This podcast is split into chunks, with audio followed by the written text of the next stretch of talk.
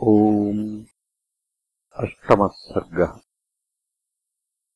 श्रीमहादेव उवाच। अथ काले गते कस्मिन् भरतो भीमविक्रमः। युधाजिता मातुलेन ह्याहूतोगात्ससैनिकः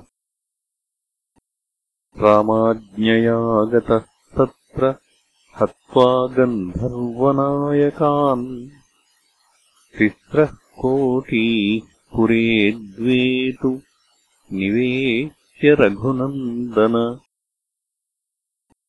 पुष्करम् पुष्करावत्याम् तक्षम् तक्षशिलाह्वये अभिषिच्य सुतौ तत्र धनधान्यसुहृद्वृतौ। पुनरागत्य भरतो रामसेवापरोऽभवत् ततः प्रीतो रघुश्रेष्ठो लक्ष्मणम् प्राह सादरम्। उभौ कुमारौ सौमित्रे गृहीत्वा पश्चिमाम् दिशम् तत्र भिल्लान् विनिर्दित्य दुष्टान् सर्वाप्रकारिणः। अङ्गदश्चित्रकेतुः महासत्त्वपराक्रमौ। द्वयोर्द्वे नगरे कृत्वा गजाश्वधनरत्नकैः अभिषिच्य सुतौ तत्र शीघ्रमागच्छ माम् पुनः। रामस्याज्ञाम् पुरस्कृत्य गजाश्वबलवाहनः गत्वा हत्वा रिपून् सर्वान् स्थापयित्वा कुमारकौ। सौमित्रिः पुनरागत्य रामसेवापरोऽभवत् ततस्तु काले महति प्रयाते रामम् सदा धर्मपथे स्थितम् हरिम्। द्रष्टुम् समागादृशिवेशधारी कालस्ततो लक्ष्मणमित्युवाच निवेदयस्वातिबलस्य दूतम्। माम् द्रष्टुकामम् पुरुषोत्तमाय। रामाय विज्ञापनमस्ति तस्य महर्षिमुख्यस्य चिराय धीमन्। तस्य तद्वचनम् श्रुत्वा सौमित्रिस्त्वरयान्वितः आचचक्षेथ रामाय स सम्प्राप्तम् तपोधनम्। एवम् ब्रुवन्तम् प्रोवाच लक्ष्मणम् राघवो वचः। शीघ्रम् प्रवेश्यताम् तात मुनिः सत्कारपूर्वकम् लक्ष्मणस्तु तथेत्युक्त्वा प्रावेशयततापसम् स्वतेजसाज्ज्वलन्तम् तम् घृतसिक्तम् यथानलम् सोऽभिगम्य रघुश्रेष्ठम् दीप्यमानः स्वतेजसा मुनिर्मधुरवाक्येन वर्धस्वेत्याह राघवम् तस्मै समुनये रामः पूजाम् कृत्वा यथाविधि। पृष्ट्वा नामयमव्यग्रो रामः पृष्टोऽथतेन सह। दिव्यासने समासीनो रामः प्रोवाच तापसम् यदर्थमागतोऽसि त्वमिह तत्प्रापयस्व मे वाक्येन चोदितस्तेन रामेणाहमुनिर्वचः द्वन्द्वमेव प्रयोक्तव्यमनालक्ष्यन्तु तद्वचः। नान्येन चैतच्छ्रोतव्यम् नाख्यातव्यम् च कस्यचित्। शृणुयाद्वा निरीक्षेद्वा यः स वध्यस्त्वया प्रभो। तथेति च प्रतिज्ञाय रामो लक्ष्मणमब्रवीत्। तिष्ठम् त्वम् द्वारि सौमित्रे नायात्त्वत्र जनोरहः। यथा गच्छति को वापि सवध्यो मे न संशयः। ततः प्राहमुनिम् रामो येन वा त्वम् विसर्जितः। यत्ते मनीषितम् वाक्यम् तद्वदस्व ममाग्रतः। ततः प्राहमुनिर्वाक्यम् शृणु राम यथा तथम्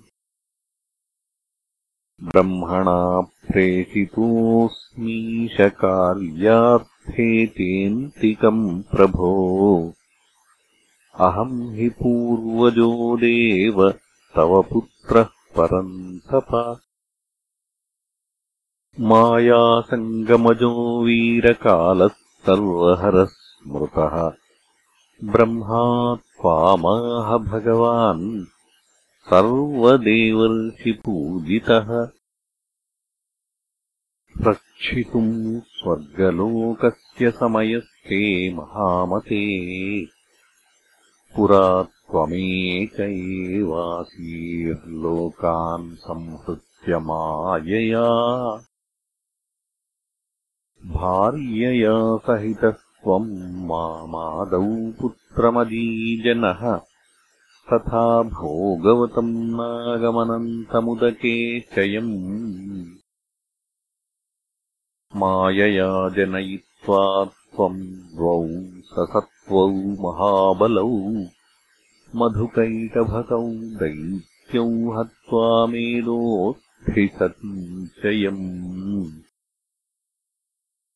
इमाम् पर्वतसम्बद्धाम् मेदिनीम् पुरुषर्षभ पद्मे दिव्यार्कसङ्काशे नाभ्यामुत्पाद्य मामपि।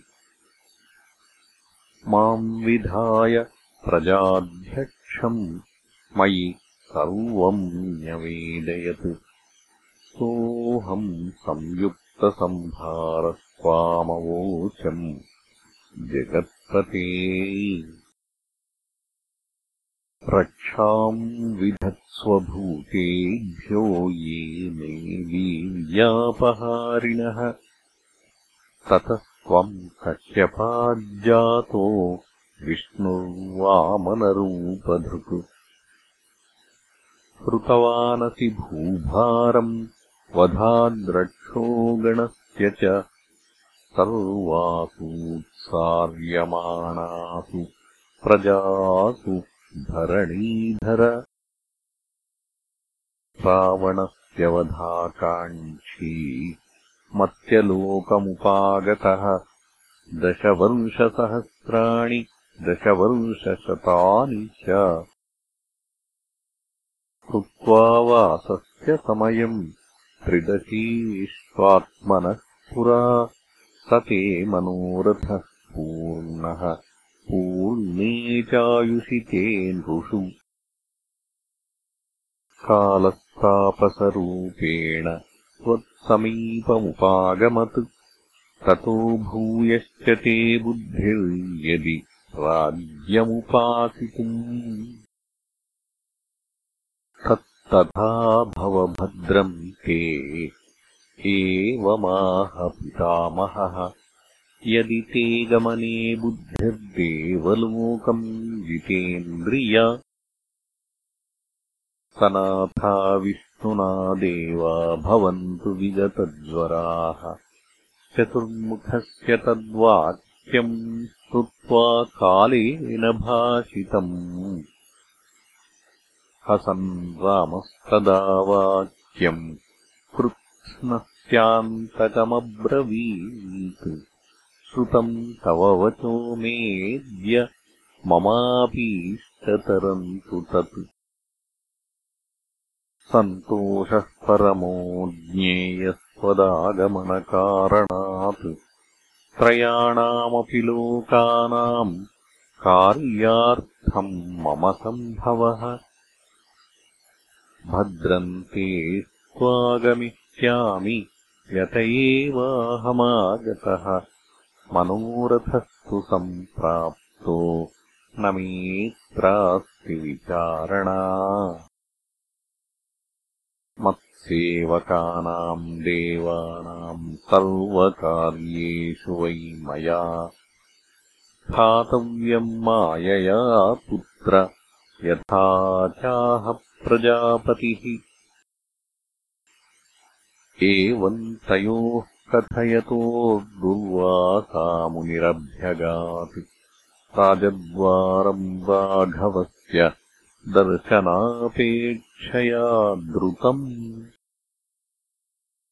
मुनिर्लक्ष्मणमासाद्य दुर्वासावाक्यमब्रवीत् शीघ्रम् दर्शय रामम् मे कार्यम् मेत्यन्तमाहितम् तच्छ्रुत्वा प्राहसौमित्रिर्मुनिम् ज्वलनतेजसम् रामेण कार्यम् चिन्तेद्य चिन्तेभीष्टम् करोम्यहम् राजा कार्यान्तरे व्यग्रो मुहूर्तम् सम्प्रतीक्ष्यताम्। तच्छ्रुत्वा क्रोधसन्तप्तो मुनिः सौमित्रिमब्रवीत्। अस्मिन् क्षणे तु सौमित्रे न दर्शयति चेद्विभुम् रामम् सविषयम् वंशम् भस्मीकुर्याम् न संशयः श्रुत्वा तद्वचनम् घोरमृषे दुर्वाससो भृशम् स्वरूपम् तस्य वाक्यस्य चिन्तयित्वा लक्ष्मणः सर्वनाशाद्वरम् मेद्यनाशोऽस्येकस्य कारणात् निश्चित्यैवम् ततो गत्वा रामाय प्राहलक्ष्मणः सौमित्रेर्वचनम् श्रुत्वा रामः कालम् व्यसर्जयत्। शीघ्रम् निर्गम्य रामोऽपि ददर्शात्रेः सुतम् मुनिम्। रामोऽभिवाद्यसम्प्रीतो मुनिम् पप्रच्छसादरम् किम् कार्यम् ते करोमीति मुनिमाहरघूत्तमः तच्छ्रुत्वा रामवचनम् दुर्वासाराममब्रवीत्। अद्य वर्षसहस्राणामुपवाससमापनम्। अतो भोजनमिच्छामि सिद्धम् यत्ते रघूत्तम रामो मुनिवच श्रुत्वा सन्तोषेण समन्वितः। स सिद्धमन्नम् मुनये यथावत् समुपाहरत्। मुनिर्भुक्त्वान्नममृतम् सन्तुष्टः पुनरभ्यगात्। स्वमाश्रमम् गते तस्मिन् रामः तस्मारभाषितम्। कालेन शोकदुःखार्तो विमनाश्चातिविह्वलः। अवाङ्मुखो दीनमना। न शशाकाभिभाषितुम् मनसा लक्ष्मणम् ज्ञात्वा हतप्रायम् रघूद्वहः। अवाङ्मुखो बभूवाथ। तूष्णीमेवाखिलेश्वरः ततो रामम् विलोक्याः सौमित्रिर्दुःखसम्प्लुतम् तूष्णीम् भूतम् चिन्तयन्तम् गर्हन्तम् स्नेहबन्धनम् मत्कृते त्यज सन्तापम् जहि माम् रघुनन्दन।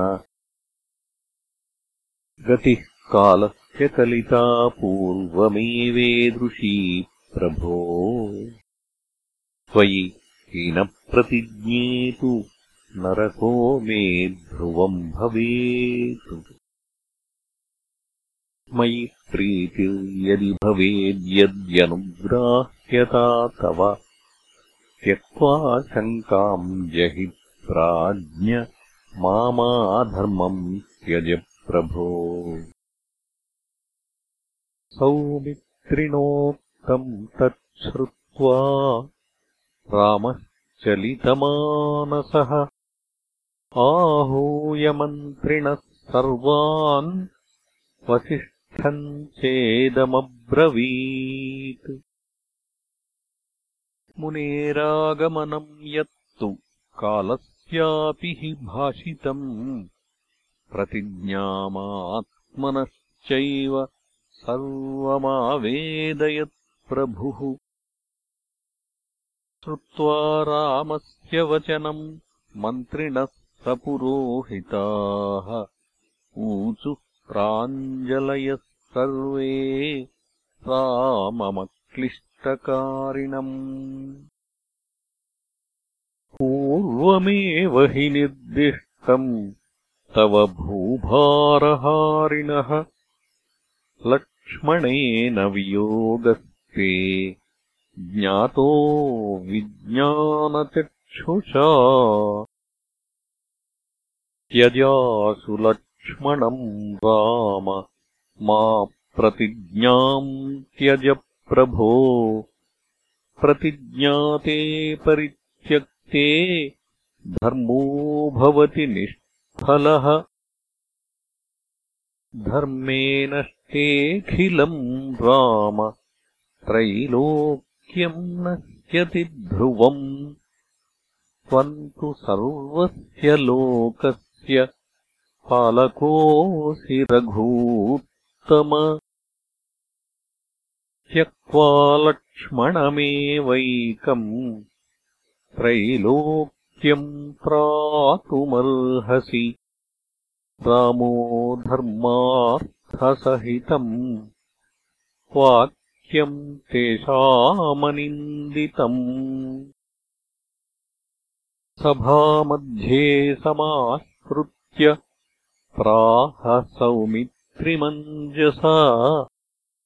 यथेष्ठम् गच्छ सौमित्रे मा भूद्धर्मस्य संक्षयः परित्यागो वधो वापि सतामेवोभयम् समम्। एवमुक्ते रघुश्रेष्ठे दुःखव्याकुलिते क्षणः रामम् प्रणम्य सौमित्रिः शीघ्रम् गृहमगात्स्वकम् ततोगात्सरयूतीरमाचम्य सकृताञ्जलिः नवद्वाराणि संयम्य मूर्ध्नि प्राणमधारयत्।